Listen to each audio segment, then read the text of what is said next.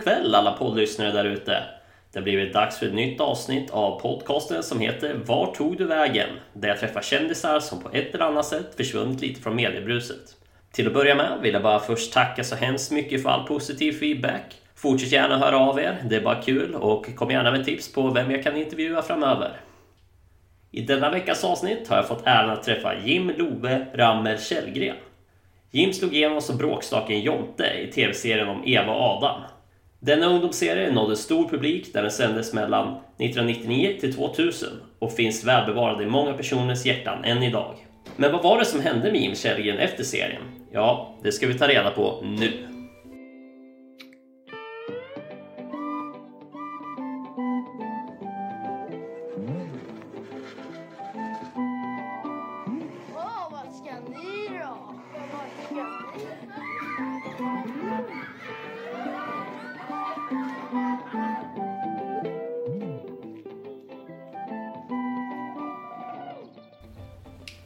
Säger vi välkommen Jim!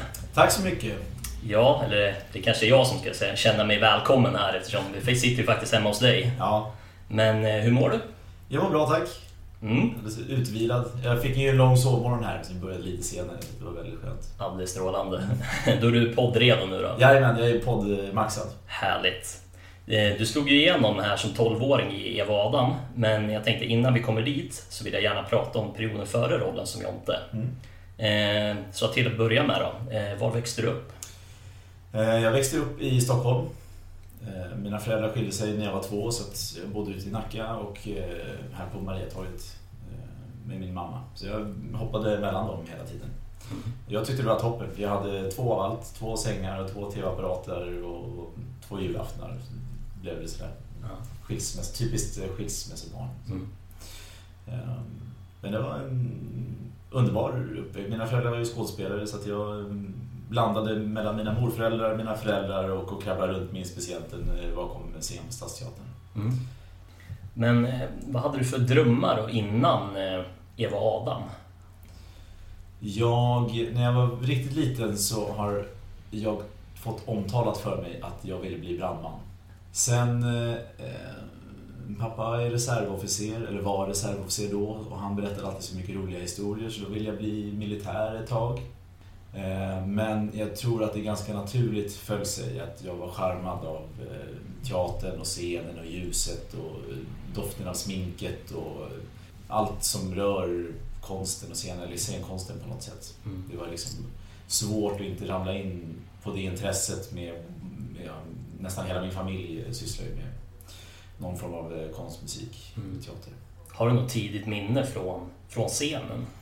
Mitt första minne från en scen är egentligen en, eh, en hemsk upplevelse. Men när jag var eh, några år bara, precis när jag hade lärt mig gå, så var jag bakom scen och eh, jag kommer inte ihåg om det var Angels in America som pappa var spelade.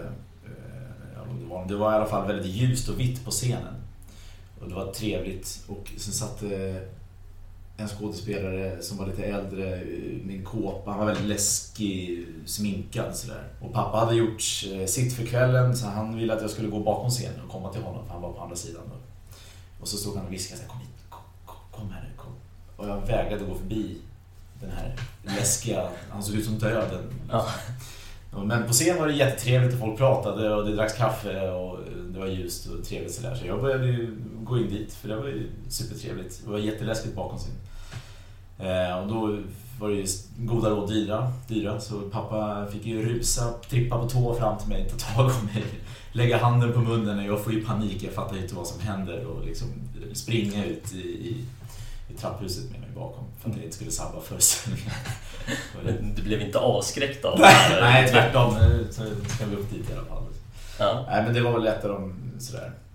Det det är sånt här som låter hemskt idag. Sitta i rökrummet i, Ja.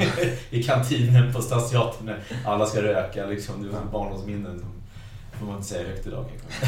Det var helt normalt. ja. Men det, då kanske det var något spännande snarare? Ja, det var jätteroligt och alla hade roliga kläder på sig och peruker och det var underbart. Väldigt fritt. Men vad var det då som lockade med skådespeleriet? Det är klart att det håller i- ihop med något form av bekräftelsebehov. Eh, Det är ju, jag ty- tyckte nog då att det var väldigt härligt att få uppmärksamhet, att det bli bekräftad för man har gjort någonting bra. Så man går in och sen så sitter det ett gäng personer och applåderar åt en.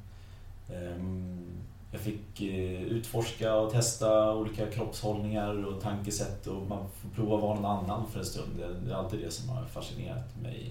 När jag blev äldre sen så kopplade jag ihop det där med beteendevetenskap och varför tar vi vissa beslut som vi gör som människa? Varför agerar vi som vi gör, rationellt eller irrationellt? Beroende på vilken bakgrund man har och vad jag egentligen vill. Och där, ja, den vägen på något sätt tog det väl upp. Mm. Var du lite klassens clown i skolan också eller hur?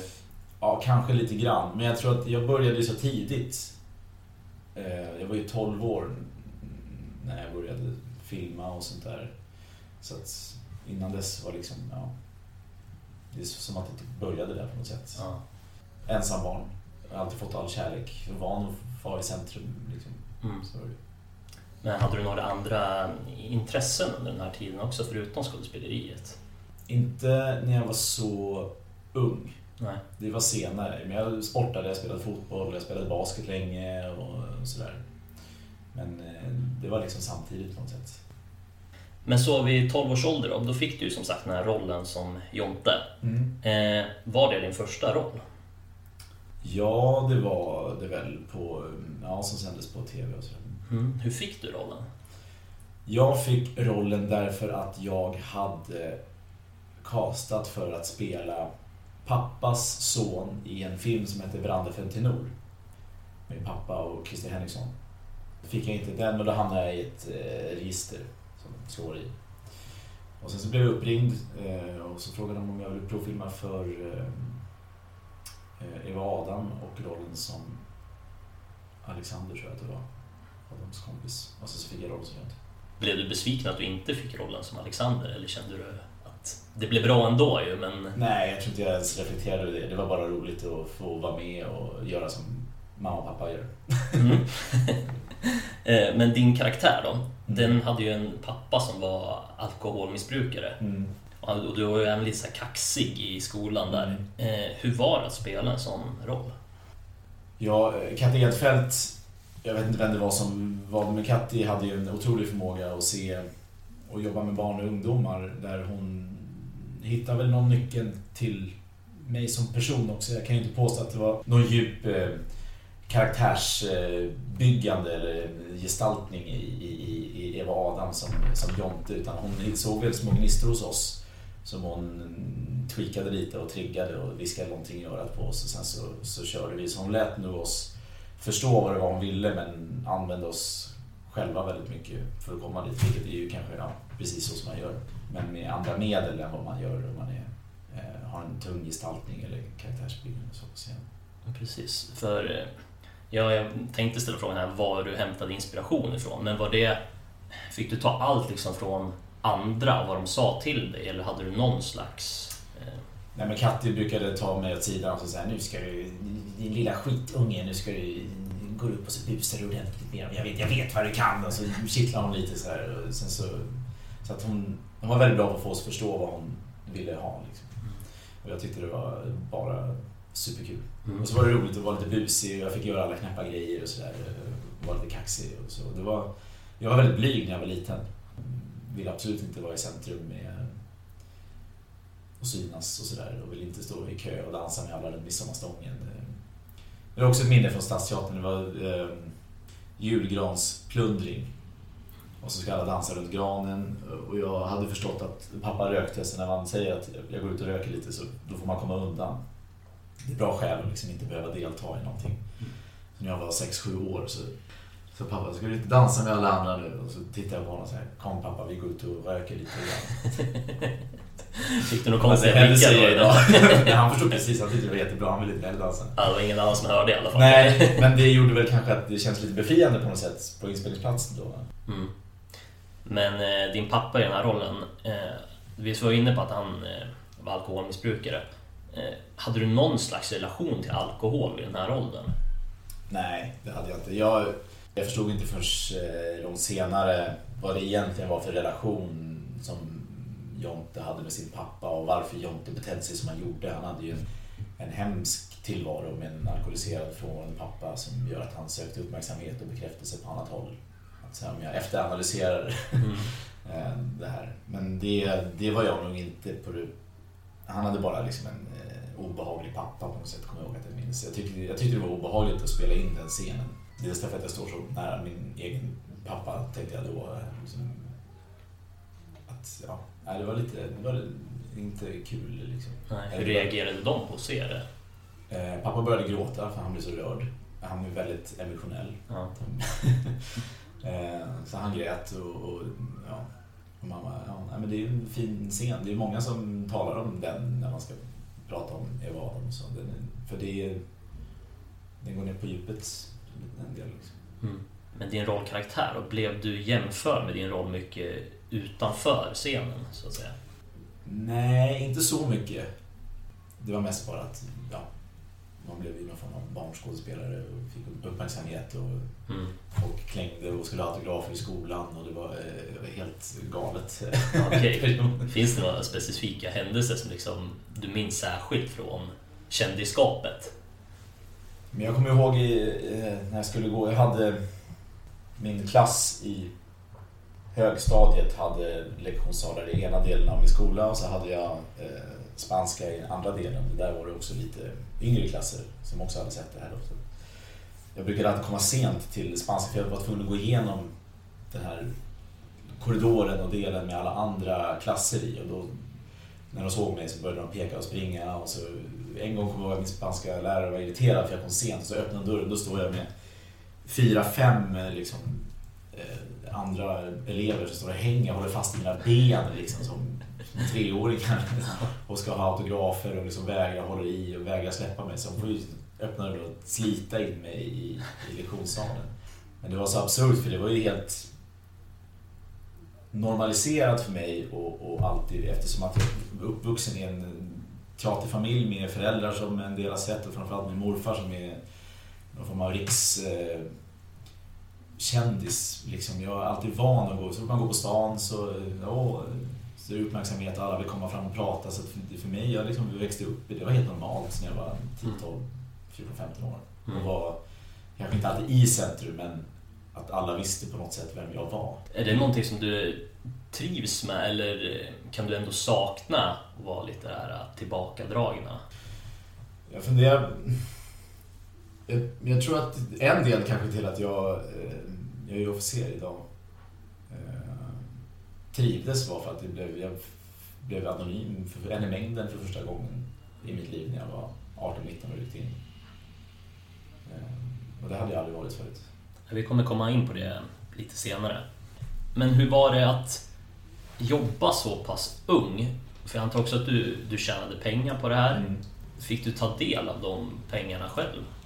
Mamma och pappa la undan hälften och hälften fick jag göra vad jag ville med. Så jag tog det fantastiska ekonomiska beslutet att köpa Star Wars-prylar för mesta.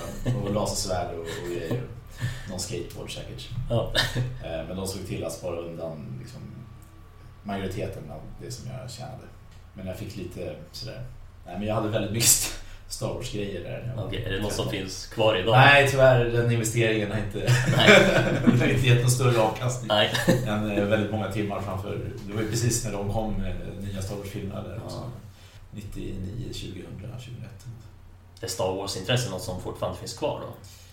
Nej, alltså jag, gillar, jag gillar Star Wars varken mer eller mindre än alla. Jag tycker det är fantastiska filmer. Jag har inte sett den nya än, men eh, jag är ingen nörd sådär. Jag går inte på comic-konvent och sådär. Jag tycker att det är, framförallt de tidiga filmerna är fantastiska. Eh, vi var ju inne lite på det här med att dina föräldrar var skådespelare. Mm. Eh, har du känt någon press från dem? Jag har aldrig känt press från mina föräldrar. Däremot så har jag, had, ja, jag har väl till viss del fortfarande en väldigt stor press på mig själv för att jag eh, ville prestera och det var ju, min pappa var kanske mer aktiv på scen just då i den åldern än vad min mamma var. Så att det var ju ofta att jag blev min pappas son hela tiden. Så, där. så det är klart att den delen fanns. Men mina föräldrar har aldrig, de har uppmuntrat men de har aldrig tvingat, de vill bara att jag ska göra det som jag tycker är kul. Det var ju snarare att de avrådde mig från att vad, vad du än gör, bli inte skådespelare. Om du inte absolut måste, för det är skitjobbigt och slitigt. Och jag, ja. Men eh, den här pressen som du ändå satte på dig själv, Mm. hur hanterade du den? För du var ju ändå ja, 12 år. Ja, men ja. Jag kommer ihåg när jag var 14 så fick jag prestationsångest för att Ted Gärdestad hade släppt sin första skiva då och det hade inte jag gjort än. Alltså det låter så absurt när jag säger det högt så här i efterhand men jag, jag, mådde, jag hade jätteångest för att jag inte hade kommit längre som när jag var 14-15. Så för alltid hatat Ted Gärdestad. Nej, absolut inte. Jag älskar Ted Gärdestad. Han, är- han var fantastisk. Växte, min mamma var ju gift med honom när de var yngre. En kort period. Så att jag, men eh, därför hade jag hört talas mycket om honom och jag hade alla skivor hemma och mamma berättade om sådär. De Mm. hängde. Och då, så för mig var det liksom, ja men Ted han började när han var 14. Liksom. Ja, jag, var bara i skolan. Mm. Det är jättekonstigt på något sätt. Ja. Men om vi vänder på det då, vad har du fått för råd istället från dina föräldrar? Pappa brukar alltid citera en, en, en, en dikt av Valdemar Dahlqvist. Eller han har en diktsamling som heter Vandra på de bräder. Och hela raden går Vandra på de bräder som föreställer livet. Så att, jag tror att om man sätter upp... Klart man ska ha mål. Man måste ha mål, man måste ha vilja, man måste ha motivation när man ska någonstans. Men just förväntningarna har jag, och det funkar för mig då, tagit ner lite. Därför att jag har förstått att om jag har alldeles för höga förväntningar så, så är det större risk att jag blir besviken.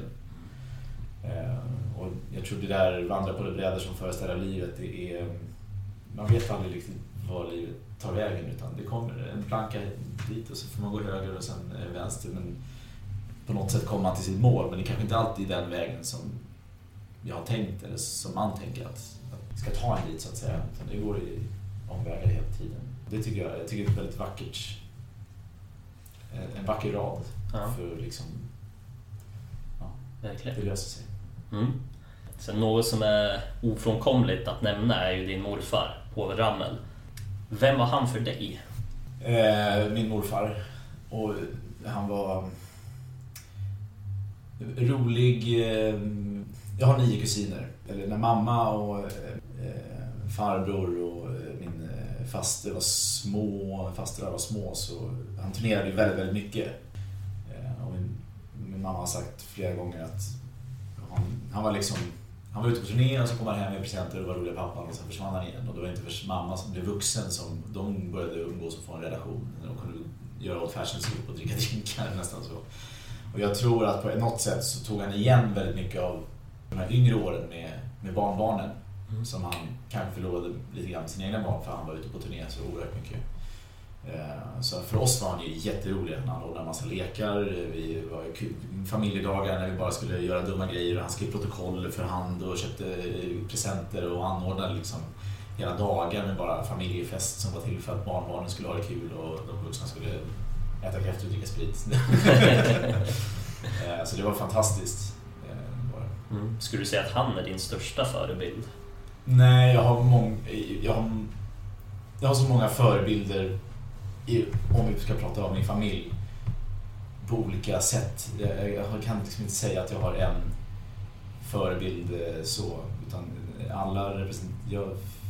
Hämta lite delar från olika Ja, men kanske? alla är bra på olika grejer. Min mormor är en av de mest viljestarka och fantastiska personer som finns. Hon har liksom en vilja av stål.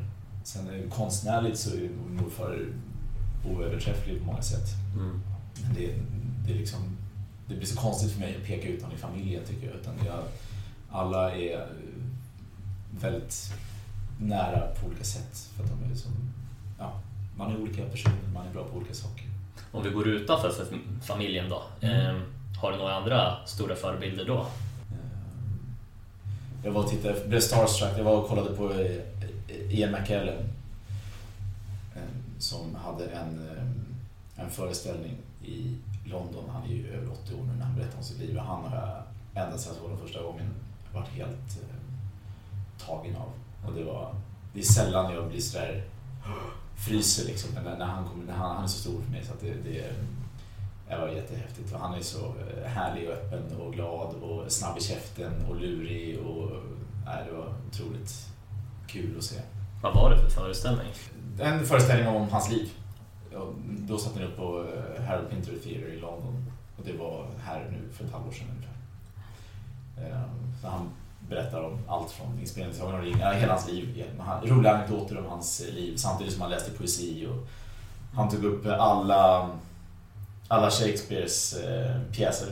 Och så sa han, nu ska vi se om eh, publiken tillsammans kan komma på, så började vi rabbla och så tog han upp dem och så berättade han roliga anekdoter om varje pjäs och ibland så tog han upp och så slog han bara upp en förberedd sida och så började han läsa en monolog och sen så gick ljuset ner och så la han bara undan boken och så körde han hela jag får gåshud. Det var så, det var så mäktigt. Ja, riktigt snyggt.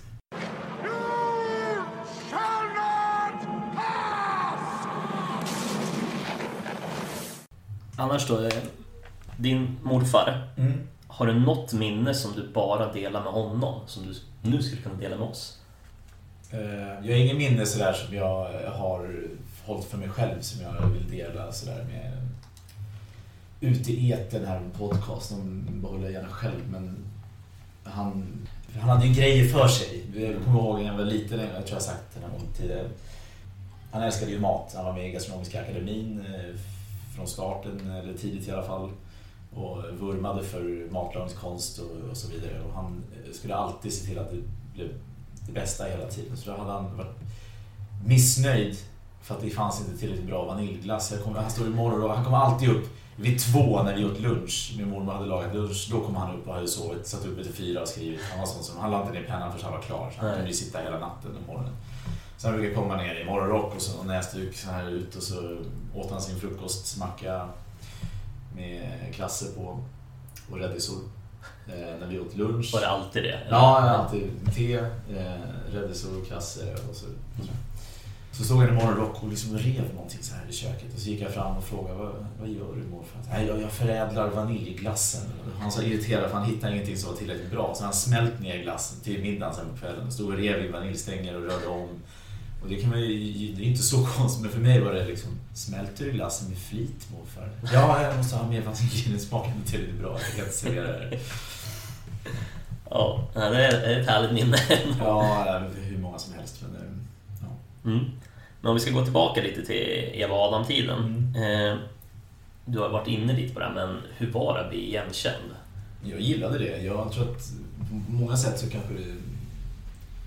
Jag vet inte om det steg mig åt huvudet men eh, jag var en enda barnet, alltid att vara i centrum där och van att folk ville stanna och prata när man går på gatan med familj eller framförallt med morfar och så vidare. Så att det var...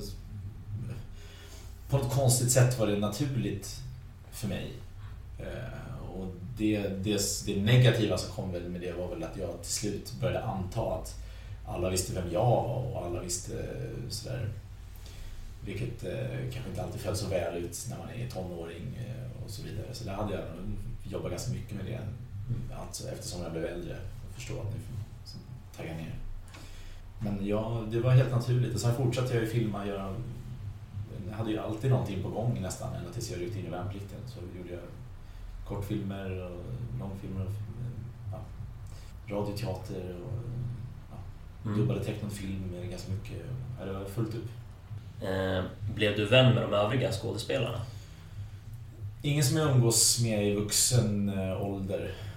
Det är några som jag har kontakt lite grann med sådär. Som jag sprungit in i, i på senare år. Men det är ingen som jag tog med mig som jag hade som vän sen vidare.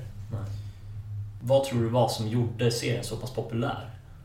Ja, men den, det är så kul att se den idag för det är så typisk 90-talsprodukt. Den är så daterad på ett charmigt sätt. Eh, Jag tror att den, men den använde ju alltid som kamratpost, alltså Eva Adam hade i Kamratposten, det var ju en populär eh, serie från början. Den, jag brukar kalla det för 90-talets eh, skam. Ja, ja det har du Men den talade liksom till ungdomar på ett sätt som eh, de förstod, precis som Skam gör idag. Fast det är helt andra frågor som Skam fokuserar på. Fantastisk serie. Hur, ja, nu har du nämnt det, men hur ser du på serien idag? Känner du att den fortfarande håller? Ja, jag ska vara helt ärlig så har jag inte sett nå- någonting på ett tag. Jag har ofta... Det mesta jag ser av Eva Adam det är när Filmfabriken lägger upp något klipp från Eva Adam. Eh, och det, det, alltså det är så roligt att läsa alla kommentarer. Och det, det är så många som har så mycket minnen för att den följer med en hel generation ut på var år. Mm. Så det är många som kopplar liksom hela sin ålder till den serien som säkert många gör med kanske Skam idag eller Bullen och liksom Mm. de här grejerna.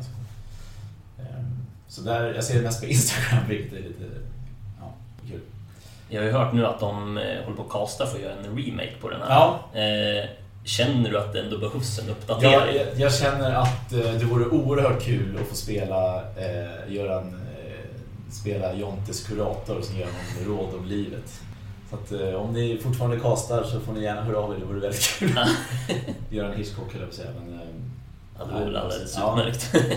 Men du, nu har vi ju pratat lite om Eva och Adam här eh, och då tänkte jag faktiskt att vi ska göra ett litet test. Mm. Eh, Jag tänkte kolla hur mycket av dina repliker du minns. Okej. Så det här kan gå hur som helst känns det Ja. som. Eh, Men du får helt enkelt gissa vad din karaktär sa. Okej. Och det här är en av happeningsen. Det här är en happening. Ja, right. Mm. Då börjar vi med klipp nummer ett. Ja, det här är alltså Adam Kislowski. Kiss... Eh... Kiss och bajs va? Lite polskt.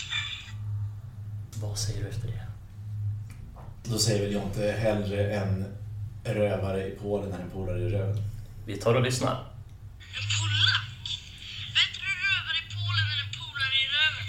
Ja, men det är ju- Alldeles utmärkt. Bra där.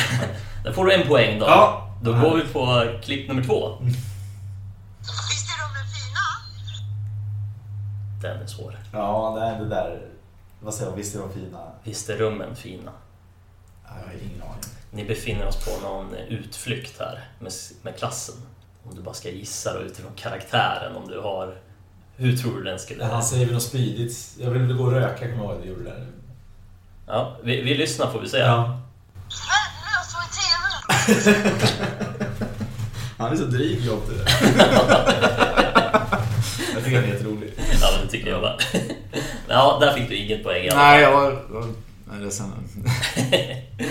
Men eh, då tar vi klipp nummer tre. Ja. Eva i sängliggande så Adam också. Eva Eva i är säng. sängliggande och Adam också. Det måste ju komma något om att de ligger och hånglar eller något sånt där. Vi lyssnar. Göra? De har fått knullsjuka. Ja, Ja, men det, han var grövre än så. Ja, han var lite grövre där. Men, men det där är ju ett poäng såklart. Ja, jag. Ja, tackar vi för. Då tar vi det sista klippet här då. Vad fan har du käkat de bullarna? Nej, lova. Då har du ju, det fattas ju. Jag har faktiskt inte.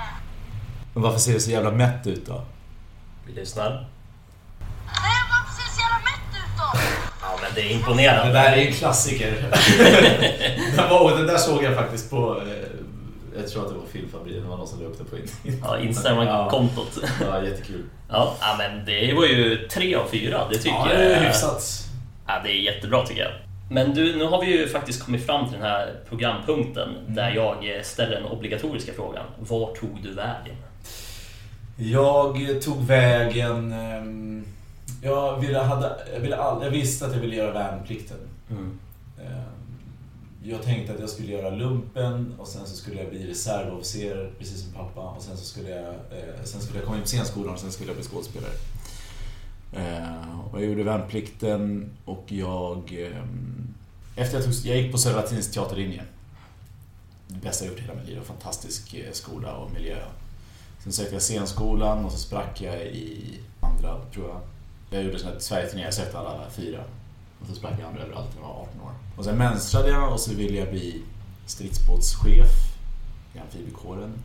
Och så får man göra massa extra tester, simultankapacitet och eh, spatial rumsuppfattningsförmåga och sådär. Det är ett nålsöga man ska komma igenom. Och, eh, psykologintervju och hej och hå. Och så klarade jag det och då tror jag att jag, jag tyckte det var så skönt och jag har fått fyra nej liksom. Och så blev jag accepterad på den här lilla smala grejen. Och det var sån otrolig befrielse. Eller jag tyckte det var, jag kommer ihåg att det var skönt att bli, komma in istället för att få ett nej bara hela tiden. Mm. Sen trivdes jag så bra i värnplikten. Jag gick ju uppvuxen liksom med otroligt mycket fantastiska kvinnor i min familj på mammas sida och sen gick jag på Södra Latin. Vi var sex killar i klassen, det var dansare och sen var det bara tjejer överallt och det var underbart. Men jag har aldrig, jag har inga bröder, jag fick aldrig vara liksom ja, snubbe om man ska säga så. Så när jag ryckte in så var jag och 40 andra, 42 andra killar. Det var första gången jag var, hängde med killar. Jag hade bara haft tjejkompisar innan. Mm. Så det var en helt ny grej för mig när jag var 18-19. Och det var, jag upptäckte en massa grejer om mig själv. Och sen tyckte jag, trivdes bra i den miljön. Det var otroligt utvecklande. Jag, jag vill inte göra om ett värnpliktsår för det var mycket tuffare än vad jag trodde på mitt regemente i alla fall. Men jag vill inte ha det ogjort så jag har nog aldrig gjort en sån otrolig resa eh, utvecklingsmässigt på 11 månader som jag gjorde då. Men vad gick du in med för förväntningar när du började värnplikten? Jag hade spelat in en film som heter Kyrkogårdsön. Där jag hade en huvudroll. Som, där det var stridsbåtar och, och, och mer bland annat. Och när jag spelade in den då var jag 15. Och då bestämde jag mig där då. Jag ser, pappa och jag har alltid seglat i skärgården, uppvuxen i skärgården på somrarna. Så att jag, var liksom, jag visste att jag ville vara i skärgårdsmiljö och jag tänkte att jag ville göra något som jag kunde ta med mig sen. Och då tänkte jag att jag vill bli navigatör på något sätt. Och som värnpliktig var det enda stället jag kunde bli navigatör. För då visste jag att då lär jag mig någonting jag kan göra på somrarna sen. Och jag köpte en egen båt så småningom när jag blev vuxen. Och så. så jag väntade liksom i fyra år och laddade för att göra det här och så kom jag in. Eh, så bara det var en mental urladdning. Men sen, alltså jag hade inga förväntningar. Jag visste inte att det var ett marinkårsregemente och att man skulle gå baskemarscher och få gröna baskrar och det skulle vara stort och tufft och där är jag bara glad att jag hade sån liksom fysisk grund så att jag gled lite på en räkmacka igenom det där. Ehm, den fysiska delen var inte så jobbig för mig men det var väldigt lite sömn under väldigt länge. Under flera månader när man hade övningsnavigerade så körde vi, man går upp halv sex, käkar frukost, eh, kastar loss och så navigerar man hela dagen, kommer in, äter middag, kastar loss och så är det fyrnavigering. Sen kommer befälen och sergeanterna med sjökorten. Så här, här ska ni planera till nästa dag. Och då är man klar när man är klar. I början tog det lång tid innan man blev snabb så då kunde man sitta uppe till tre på natten och planera. Och sen sova tre timmar och sen så gör man det i fyra, fem månader. Det var jättetufft. Tror du att de som inte har gjort värnplikten kan de föreställa sig hur pass tufft det ändå är? Nej, det, man måste göra det för att... Det, det är ju tufft på olika sätt för alla personer beroende på vilken typ av tjänst man gör såklart. Men just för mig var det sömnbristen var, tyckte jag var jobbig. Mm. En del vet att jag hade mycket problem med fys och bära utrustningar och att man ska vara stark och sådär. Så ja, det är olika för alla. Mm. alla. Alla människor är olika. Det gäller ju att hitta våra olikheter och hjälpa varandra framåt Mm. mot målet. Det är ett otroligt solidariskt eh, community. Mm. Eh, och det kände jag väl igen mycket från teatern där man använder sig själv. Jag har alltid sett på officersrollen för att kunna leda i sådana extrema miljöer där man är trött, hungrig, sömnbrist, man vill inte, man längtar hem, det man, har lite, man är rädd, man har ångest, vad det nu. Oavsett var man är i världen så måste man förstå hur vi fungerar som människor och sen förstå vilka nycklar jag kan använda för att få med mig min personal. Och det är precis, för mig är det, är det precis som att läsa ett manus och förstå varför den här människan agerar som den gör. Och hitta nycklarna bakom eh, beteendet. Eh, så att det är en form av, om, för mig är det en omvänd teater, det militära ledarskapet på många sätt. Så att jag har haft otrolig nytta av att syssla med teater och stå på scen i 15 år innan jag började på militärskolan. Men om du ska berätta lite om din karriär och inom det marina. Eh, kan du ta oss med på en, en resumé av hela den banan? Jag gjorde värnplikten och sen så blev jag sergeant, så jag utbildade sista värnpliktskullen. Eh, Då var jag båtchef och sen så var jag på Kustjägarkompaniet en kortis som båtchef. Sen ville jag bli reservofficer men då fanns inte den. Då blev jag envis. Eh, Så då sökte jag till eh, Karlberg och tänkte att men det är väl bra att få med sig en eh, kandidatexamen. Eh, Skådespelaryrket är tufft och- och sådär. Det är alltid bra att ha någonting att kunna falla tillbaka på eh, eventuellt. Låg det hela tiden i bakhuvudet ändå att du skulle tillbaka till skådespeleriet? Jag tror jag tänker det varje morgon när jag vaknar och sen så går jag till jobbet och har kul. Ja. Alltså det, jag, jag tänker den tanken varje dag. Mm. För att jag, jag älskar eh, det svenska ordet. Så. Ehm, och på Karlberg var jättekul. Ehm, de tyckte jag var en knäppjök tror jag för att jag kunde inte liksom inte släppa. Jag var tvungen att höras och synas hela tiden. Så jag stod och skrev limrikar och på uppställning med hundra jägare så här på Yttre Borggården och där såg jag och läste en limerick om att vi skulle åka upp till fjällen och åka skidor eller någonting. Alltså det var lite knäppt. De brukar, man brukar säga att Karlberg är den bästa blandningen mellan eh, Hogwarts och Lundsberg. Det är verkligen en jätte... Eller då var det, jag vet inte hur det är nu, men eh, det var en, eh, också en fantastisk tid. Mm. Man kommer väldigt nära varandra där. Sen under den tiden så bytte jag till flottan för jag var intresserad av att ja, testa på det helt enkelt. Jag kände att jag hade gjort det här med att vara stor och stark och eh, gå med basker och bänka och ja, fysiska prestationer Jag ville prova något annat.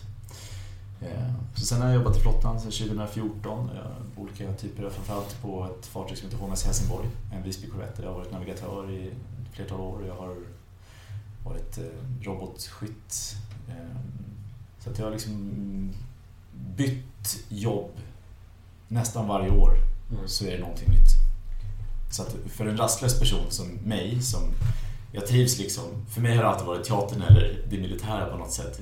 Pjäs, ny pjäs, det nya projekt hela tiden. Och här är det nya utmaningar, ny befattning eh, varje eller vartannat år. Och det kan vara, nu sitter du vid skrivbord och sen ska du vara ute och, och köra truck på ett lager. Ja, nu raljerar jag men Mm. det kan skifta väldigt mycket det man ska göra. Det är väl lite det man blir ett multitool som officer många gånger. Och det att vara vaktchef på högvakten i vintras till att sitta och diskutera framtidens eh, system som vi ska använda eller vad det kan vara för någon studie. Så att, eh, ja, det är stimulerande på många sätt.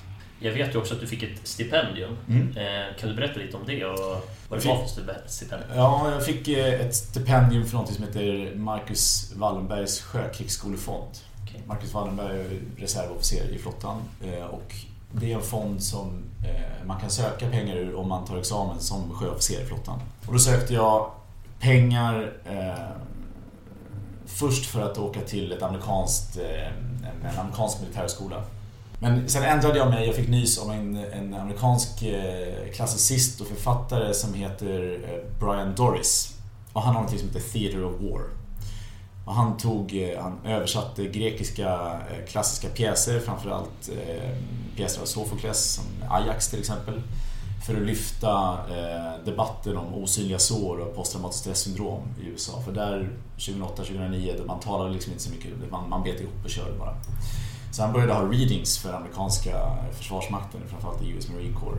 Eh, och för att öppna en debatt om att det är okej att liksom, man, man kan må dåligt när man kommer hem från krig eller man har blivit våld. Alltså, människan, vi har ett psyke. Och det blev jag otroligt fascinerad över. Så jag ville träffa honom, så jag eh, sökte till Lee Strasberg Theatre and Film Institute i New York. Kom in och fick lov att ta de här stipendiepengarna och åka dit istället. Där läste jag med amerikanska veteraner och intervjuade dem och skrev ett arbete om att eh, använda method acting som en, en konstterapi, en del i en konstterapi för att lindra veteraner med PTSD. Eh, och det var en otroligt häftig resa. Alla de som gick där eh, tyckte inte att de fick så mycket hjälp från eh, VA, alltså veterancentrat, när man kommer hem från krig. Det finns mycket veteraner från Vietnamkriget och generellt i USA. Det finns otroligt mycket pjäser skrivna av krigsveteraner. Och det intressanta är att när man läser Ajax till exempel som brukar beskrivas som en problempjäs. Därför att han agerar så irrationellt. Eh, Och den här utspelas ju för 4000 år sedan. Psykologin var inte uppfunnen. För de som inte vet vad... Mm, den handlar om en... eh, Ajax är en, kri, en krigare, en av eh, Greklands största krigare. Hans bästa vän dör i kriget. Och i, i, i den världen då, så, att ärva rustningen från den som har dött är det finaste som finns. Och då utlyser de en tävling att man ska argumentera för att få den här eh, rustningen. Eh, och... Jag ska se så jag ser rätt här. Eh, Odysseus. Han är liksom kostymnissen. Han är typ chefen för CIA. Han gör, inte, han gör kontorsjobbet bara. Så han är otroligt vältalig och en bra retoriker. Ajax är en krigare och står alltid med sin trupp och så vidare. Så han blir ju golvad eh, verbalt och får se sin bästa väns rustning gå till någon kostymnisse som han eh, föraktar. Och sen så mår han dåligt och så blir han knäpp och han springer ut och, och, och tar fåren och drar in dem i tältet med sin familj och slaktar får och det är blod överallt och han är otroligt irrationell i sitt agerande. Ehm, och det är många regissörer och teatervärlden så här, märkligt att sätta upp. Eh, Det intressanta är när Brian har läst den här för riktiga veteraner så, så alla förstår precis vad han gör. Mm. Ehm, Hans fru Tekmessa säger en, en, en rad Our home is a slaughterhouse. Och sen tar han hit generaler och präster och sådana, så har de diskussioner kring det här. Eh, och de förstår allihopa. Det intressanta är att Sofokles var ju själv general i grekiska armén, deltog i flera krig. På den tiden, eh, på Dionysusfestivalen, så var skådespelarna veteraner, publiken eh, var veteraner och författaren var veteran. Och skrev en pjäs om egentligen om psykologi, men den, psykologin var inte uppfunnen. Men det är klart som 17 att Ajax hade fått posttraumatiskt stresssyndrom av allt det här. Ehm, så det fascinerade mig. Så jag åkte dit och fick vara med och uppträdde i New York med Brian, hans skådespelare. Mm. Ehm, det var jättefint. Och sen skrev jag ett arbete om det här och tog med mig hem och publicerade det här i Sverige. På vilket sätt hjälpte det då de här uh, som var med om posttraumatisk stress? Alltså, mm. uh, på vilket sätt hjälpte de att bli bättre? Du... När jag började läsa om de senaste rönen inom behandling av PTSD ehm, så, eh, och den är väldigt kognitiv så liknar den väldigt mycket hur en karaktärsskådespelare arbetar med sin karaktär. Om vi tar method acting, för det var det sån skola jag gick på. Där handlar mycket om att göra relaxations, man sitter ner och slappnar av eh, och, och, och plockar och lär sig att plocka tillbaka minnen och känslor som jag har upplevt tidigare för att applicera det på en karaktär på scen.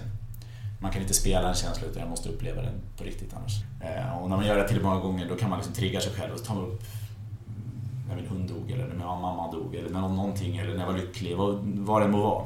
Och de behandlingsrönen inom PTSD är precis samma sak. Man sitter ner och så återupplever man sitt trauma, det som gjorde att jag blev drabbad av det här och kommer överens med det man talar. Det är ganska likt eh, KBT. Mm. Eh, och för mig var det självklart, alltså om jag skulle fråga min pappa hur, hur det fungerar.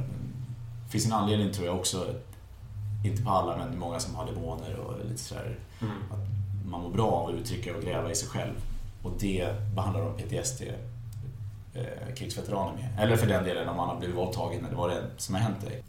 För mig var det en självklarhet, men det var häftigt att se de som kommer från kanske fattiga förhållanden i USA, och varit i kriget i Irak, eh, Iraqi Freedom, eh, kommer hem och, och landar på en teaterskola och börjar läsa monologer skrivna av veteraner om en homecoming till exempel, när de kommer hem eller någonting eh, och de får ett fritt rum i replokalen och får ur sig allting. De rädslorna. Så att, eh, en kille som är fantastisk, han, eh, han blev av med vårdnaden om sitt barn. Han kunde inte dricka alkohol för han blev våldsam. Han, eh, det är så ett ljud kunde sätta igång någonting hos honom. Eh, och sen efter att han började på skolan, nu jobbar han som skådespelare, så har han lugnat ner sig, han kan ta en öl igen, han har fått tillbaka sin dotter, han liksom fungerar mer normalt därför att han har mentalt gått igenom det som har hänt honom så många gånger genom en karaktär. Mm. Har du någon mer så konkret historia från någon av de här soldaterna som, du, som har berört dig extra mycket? Ja, jag träffade en eh, kille eh, som var hyfsat ung. Han var i amerikanska marinkåren och han, han hade sån eh, grav PTSD när han kom hem så han han svettades så mycket av sina mardrömmar varje natt. Han gick på min skola där. Så han var tvungen att plasta in madrassen som han sov på. Eh, för att annars så, den torkade liksom inte från morgon till kväll medan han var iväg på dagen. Annars han, madrassen var dyngsur hela tiden för att han hade sådana skakningar och, och, och mardrömmar. Eh, och efter att han började på skolan så avtog de. Eh, jag intervjuade en annan en vän till en av mina lärare på skolan som var med i Vietnamkriget. Fantastisk homosexuell eh, underbar man i, ja, han har varit 65, 70 eh, nu. Han, eh, hans Upper West Side, bara buddha-statyer i hela det Han är kostymör idag. Han var skådespelare när kriget bröt ut. Och han var underrättelseofficer för amerikanska armén under kriget. Så hans jobb var att förhöra Vietkongsoldater innan de fick behandling för att få information. Hemskt. Så han stod dagligen i år lutad över människor som låg och förblödde framför ögonen på honom och han var tvungen att försöka få ut information. Han hade mardrömmar om att han drunknade i ett hav av eh, lemmar och blod varje natt i flera, flera år. Han fattade inte att han hade PTSD. Det fanns ju liksom inte då. Eh, och det var jobbigt var, för han var skådespelare och stod på scen när kriget, han var i tidiga 20-årsåldern, stack dit. Och när han kom hem igen så jag tror att det var svårt för de som blev rekryterade i det kriget, framförallt eh, militärerna, för att kriget stöddes ju inte av allmänheten Eh, och det var ju många som åkte dit mot sin vilja och när de kom hem så blev de ju i många fall hatade av befolkningen som tyckte att de stötte regeringen men de hade inte heller något val så att man var liksom inte med någon. Man gillade inte kriget själv men jag blev inte accepterad eller omtyckt av dem där hemma så att säga. Och själv så var jag jättedåligt för att jag upplevt ett krig. Så han på repetitionerna så berättade han att jag, jag kom tillbaka efter några år och, till min teatergrupp i New York. Och så kom de in och så skulle de skämta med mig med en låtsaspistol och kom in så här pang, pang, pang. Och han fick ju sådana triggers och slängde sig ner och bara låg och skakade för att han, han fick eh, en PTSD-attack. Eh, sen var han tvungen att sluta. Sen blev han kostymör och sen började han gå till en psykolog och en KBT och så vidare. Och nu mår han mycket bättre. Men det var otroligt drabbande att höra honom berätta om det Mm. Förstår. Eh, djupa ämnen får man säga. Ja, men det, jag har fascinerat mig väldigt mycket och jag, jag vill verkligen göra någonting liknande i Sverige för vi har inte det här. Nej. Eh, Så jag hoppas att jag tar mig tid här de närmaste åren och kan hålla kontakten med Brian och se om först om vi kan få hit dem för att läsa för svenska veteraner eh, och sen kanske på sikt. Det är ett sätt för mig att få hålla kvar vid teatern och mitt jobb. Mm. Men du, vad skulle du då säga är den största skillnaden mellan USA och Sverige? Om du jämför nu... På vilket... Ja, Det finns en miljon. ja det finns en miljon här. Jag ska gifta vi- mig med en amerikan så jag får vara försiktig här nu. Nej, men om vi tänker just eh, inom det militära då. Jag har inte eh, jobbat så mycket med eh, amerikaner, alltså person till person. Jag har varit till sjöss på övningar och jag- övat eh, med amerikanska fartyg och sådär. Ehm, så jag, det är svårt för mig att svara på faktiskt. Mm. Ehm, vi svenskar är ju väldigt nu kanske det låter konstigt för någon som inte är militär, men den svenska militären, vi har grader och sådär, men den är väldigt ohierarkisk socialt hur vi umgås på jobbet. Och det är ju en väldigt stor skillnad att eh, jag kan ha sjömän som kommer fram och klappar mig på magen och undrar om jag är hungrig liksom. Men det händer inte där, då blir man skickad över bord. Mm. Men vi, eh, och det här är ju flottan, man är instängd i ett fartyg, det går inte att hålla reda på, agera som man gör kanske om man är plutonchef eller man är i fältarmén. Eh, Men det är väl en självklar skillnad. Vi, vi, vi är mera tjenis med varandra här på ett sätt. När, det är, när man har trevligt och sen när det blir på, nu, nu måste vi jobba, då, då går det väldigt fort och det är order och springer och blir väldigt formellt. Mm. Eh, Men jag kan uppleva i USA så har de svårt att släppa på den formella delen. Kanske av socioekonomiska och andra anledningar. Att den typen av människor som de har där som soldater kanske inte klarar av en miljö där man tillåter att man släpper på en del regler utan de måste hålla sig i schack kanske. Yes. Men vad tror du är att föredra då? Eller är det bäst att försöka blanda det? Nej, jag tycker vi, alltså, så som vi har det här hemma. Vi umgås ju som på vilken arbetsplats som helst och skämtar och har kul och i, i flera fall talar förnamn med varandra. Men sen när man är till sjöss, det kan ju gå från en. Det är ju charmen med jobbet. att Man kan sitta, det händer ingenting, det händer ingenting. Man sitter och babblar och sen händer någonting och då måste vi agera nu. Och då växlar alla så. Och så blir det på. Men det är därför vi har ett ordersystem och konstiga tråkiga ord i det militära för att det måste funka effektivt. Men om, om jag säger till någon eller ger en order, det är ju inte för att jag vill vara otrevlig, det är för att det ska vara så effektivt och snabbt som möjligt därför att vi vill spara tid. Liksom. Eh, nu har det blivit dags för nästa test här. All right. Jajamän. Jag tänkte som så att vi skulle eh, förena lite både det här filmen och militära. Jaha, okej. Eh, så jag tänkte helt enkelt se eh, om du minns. Jag kommer läsa upp en replik Okej. från en stridsfilm. Oj. Ja. Och så får vi se om du kan var den kommer ifrån. All right. Känner du dig redo? Ja. Mm. Då börjar vi här. Nummer ett. Nu kommer inte jag lika inlevelse som Nej, nej. i filmen, men vi, vi, vi testar. Hoppas att jag sett dem. Eh, den första då. I love the smell of na- napalm in the morning. Uh, vad heter den nu igen? Det är en Vietnamfilm va? Mm. Get some. Ja, vad heter den? Good morning Vietnam. Ja, det är en annan. Ja, det är en annan film. Mm. Men det är en Vietnamfilm. Jag kommer inte ihåg vad den heter. Jag vet precis. Jag har scenen på äh, ögonhinnan. Ja. Mm. Den känns som den verkligen behandlar eh, det som du har pratat om med posttraumatisk stress och så. Men eh, den här första filmen då, det var eh, Apocalypse Now. Ja, just det. Så heter det. Mm. Ja, det Yes. här kommer inte gå bra. ja, det är svårt, det är svårt, Ja. men vi, vi, vi kör på så Ja. får vi se hur det går här. Eh, nummer två då. Well, what I mean by that sir is if you was to put me and this sniper rifle anywhere up to an, in, including one mile of Adolf Hitler with a clear line of sight, sir, pack your bags fellas, war's over, amen. Ja, det är en VK2-film. Jag vet inte om det är... Jag vet, Saving Private Ryan. Korrekt! Ja, just det. Riktigt bra där. Bra chansning om det. Har du sett filmen? Ja, jag har sett det flera gånger. Ja. Jag känner igen repliken, men jag är lite osäker. Men jag har för mig att det var därifrån. Mm. Eh, vi kör på trean då. Det är kanske inte riktigt mycket, inte lika mycket eh, nutid. Så. Mm. What we do in life echoes in eternity. Ja, ja, den där känner jag inte igen. Nej.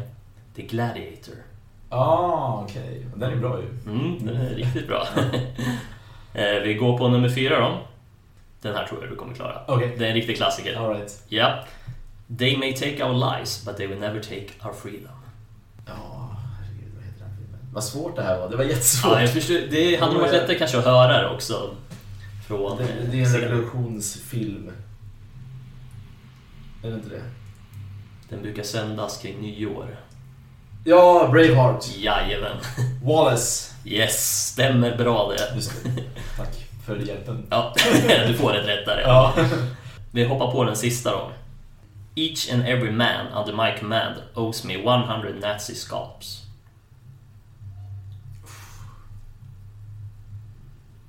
Nej, jag vet Det är inte. en lite nyare film. Ja, ja, är det inte den med eh, Brad Pitt och. Bon Giorno? Det är en, alltså lite, det är en komedi. Ja. Den heter med, med han är så bra tysken där. Han är så obehaglig. Han är en SS-officer. Ehm, Tarantino-film. ja, jag vet precis. Eh, be, ja, jag tappade namnet. In... In, Inglourious Basterds. Jajamän. Härligt där. Då stänger vi det här testet. Det gick väl helt okej. Ja. Skulle ha tagit lite mer eh, Navy-filmer, Das Båt och sånt där. Ja, okej, okej. Ja, jag skulle ha tänkt på det lite mer. Men eh, då har vi egentligen kommit fram till mer nutid nu. Mm. Eh, Och du har flyttat tillbaka till Sverige. Ja. Vad är målet nu?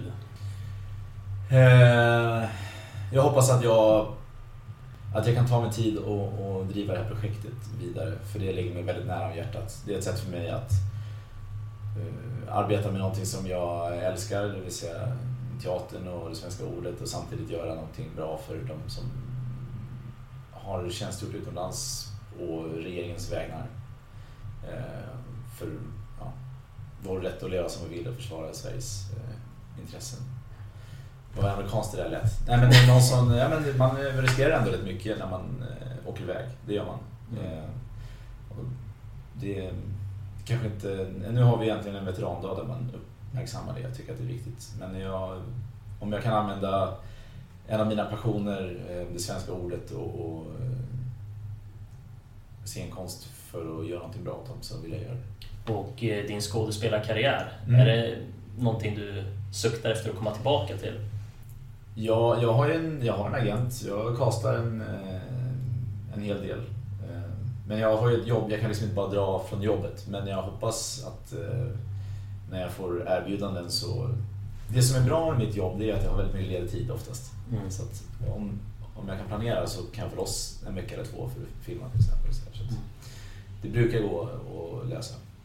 Eh, Nu är jag med en, eh, gjort en pilotfilm här som nu håller på att säljas in. Jag hoppas, hoppas, hoppas verkligen att den får eh, medel för att det kan bli riktigt, riktigt bra. Jag antar att det är fortfarande hemligt och så Ja, det, jag lovar.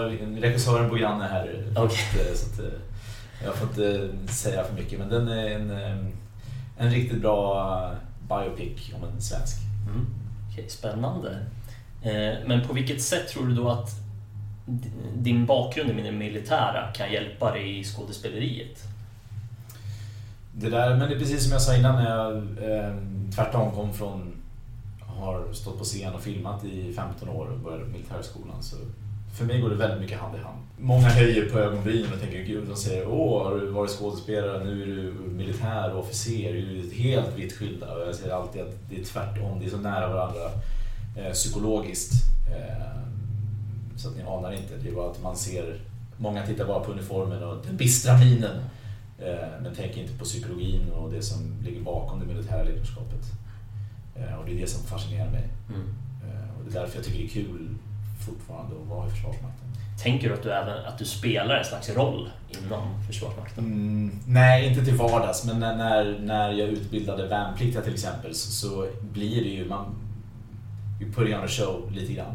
Så är det ju. Därför att du måste tvinga dem till att förstå varför det är viktigt att packa rätt, varför det är viktigt att hålla reda, varför man ska ha handskar på sig, inte förfrysa sig, varför ska jag äta när jag kan, varför ska jag vila när jag kan och så vidare och så vidare. Och det är ingenting som man som 17-18-åring förstår automatiskt, framförallt inte idag. Ehm, och då finns det, jag menar, yrket har ju funnits i, i 4-5 tusen år.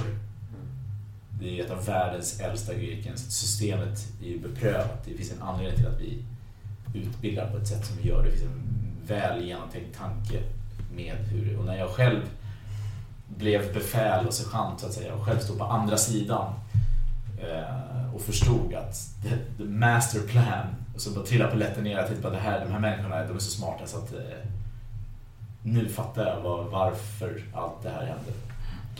Eh, Så den delen är ju otroligt. Men det blir ju en show. Ja, men, och, honnörer hit och dit. Och den ceremoniella delen är ju väldigt och sådär. Och sen är det alltid bra att kunna stå och tala inför människor och vara orädd. Mm. Men jag, jag tyckte att det var extremt roligt att vara chef för högvakten på Stockholms slott och dra sablar och det ska gås och arrangeras. Det är en ganska avancerad koreografi som ska upp där. Mm. Det, var ju, det tyckte jag var larvigt roligt. Ja. är det just en karriär i Sverige i alla fall du är ute efter? Eller skulle du kunna tänka dig att jobba utomlands också? Jag jobbar gärna utomlands. Jag har ju varit och jobbat i USA redan. Så att, eh, det är ju bara roligt. Jag ville, jag hade, jag ville sticka till eng- Alltså det engelska språket är ju så, eller de flesta andra språken, svenskan är ju så fyllda av precisa ord som vi inte har i Sverige. Vi använder ju kanske en melodi eller en, in, en intonering av ett ord för att leverera det vi vill. Men där finns det ju liksom en hel flora av eh, ord att använda för att komma dit man vill. Mm. Men eh, om du fick drömma då, vad hade varit önskerollen? Jag vet inte. Jag har ingen en scroll eh, på det sättet. Jag, eh, jag, inte, jag bor inte uppe i Beverly Hills och väljer och rakar eh, sådär. Jag har en hög med manus. Jag vill... eh, Jag tror att den bästa rollen är den som utmanar dig där och då. För det kommer också ändras genom livet. Mm. Gud, vad jag känner att det är en massa icke-svar här hela tiden. Men jag tror verkligen att det är, precis som alla människor är olika, så är du själv förändras ju hela tiden. Mm. Så det som är Det känns som det här citatet du berättade om i början har verkligen präglat ändå din uppväxt. Det här med eh, brädorna som... Vandra på det bräder som... Ja men det är lite, jag tycker det är väldigt eh, fint. Men det får inte vara en ursäkt för att inte nå sina mål. För så kan man också säga, åh det bara hände och blev så. Ja, det är- Hoppsan. Mm. Eh, Det är för lätt att tänka så, utan men det måste vara ett... Eh, sätta upp ett mål och sen så får man se vilken väg den tar sig dit. Sen kan det ta olika lång tid beroende på hur motiverad man är och vilka risker man vill ta och så vidare. Mm. Till sist då, vad skulle du ha gett för råd till ditt 15-åriga respektive 50-åriga Jim? Ehm, oj, 15-åriga Jim. Jag vet inte. Jag ångrar ingenting. Alltså jag har haft så otroligt kul. Jag, hade nog, jag skulle inte ändra på någonting. Jag har varit med om så mycket fantastiska saker från, tack vare min familj och det jag gjort som skådespelare och det militära. Liksom från att stå på, i stadshuset och, och läsa för 800 personer till att fälla, bli fälld med fallskärm uppe i Norrland. alltså det, det är så, ibland förstår jag inte själv vidden av alltså, extremerna som jag har fått vara med om. Så det vill jag inte. Ehm, sen tänker jag alltid när man blir äldre, alltså vad är en bra karriär? En bra karriär är det som är bra för, för dig, liksom, passar eh, dig. Och så länge man är lycklig. Jag tror att den som ångrar, ångrar minst antal saker på dödsbädden, den har liksom vunnit livet på något sätt. Om jag har varit sann mot mig själv och testat allt som jag ville testa. Så att jag inte behöver tänka tänk om när jag är gammal. Då, då är jag lycklig på något sätt. Det låter väl suveränt tycker jag. Ja, men en jag bra- tycker jag är ganska nöjd över den tanken faktiskt. Ja. Men då undrar jag också, är det någon som du undrar vart den har tagit vägen? Var är Amy Diamond? Amy Diamond, ja. Jag har inte hört om henne på länge. Nej, det vore väl en Släppte alldeles hon utmärkt person. här för ett tag sedan? Det Jag kan vet- mycket väl ha gjort. Jag undrar också om hon är. Så eh, vi kan ju hålla tummarna för att hon dyker upp här i podden Ja. i framtiden. Du, då vill jag tacka dig för pratstunden och önska dig stort lycka till i Tack framtiden. Jonathan, detsamma. Mm. Och eh, tack till er som har lyssnat på programmet. Vi hörs på återhörande. Hej då! Hej då!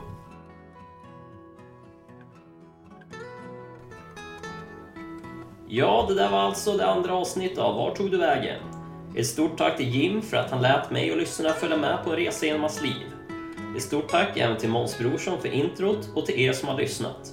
Följ mig gärna på Instagram på Var tog du vägen? Där får ni hemskt gärna ge feedback på avsnittet samt ge tips på vilka mer ni tycker jag ska intervjua i framtiden. Nästa vecka gästar Sebastian Karlsson podden. Hoppas ni även lyssnar då. Puss på er!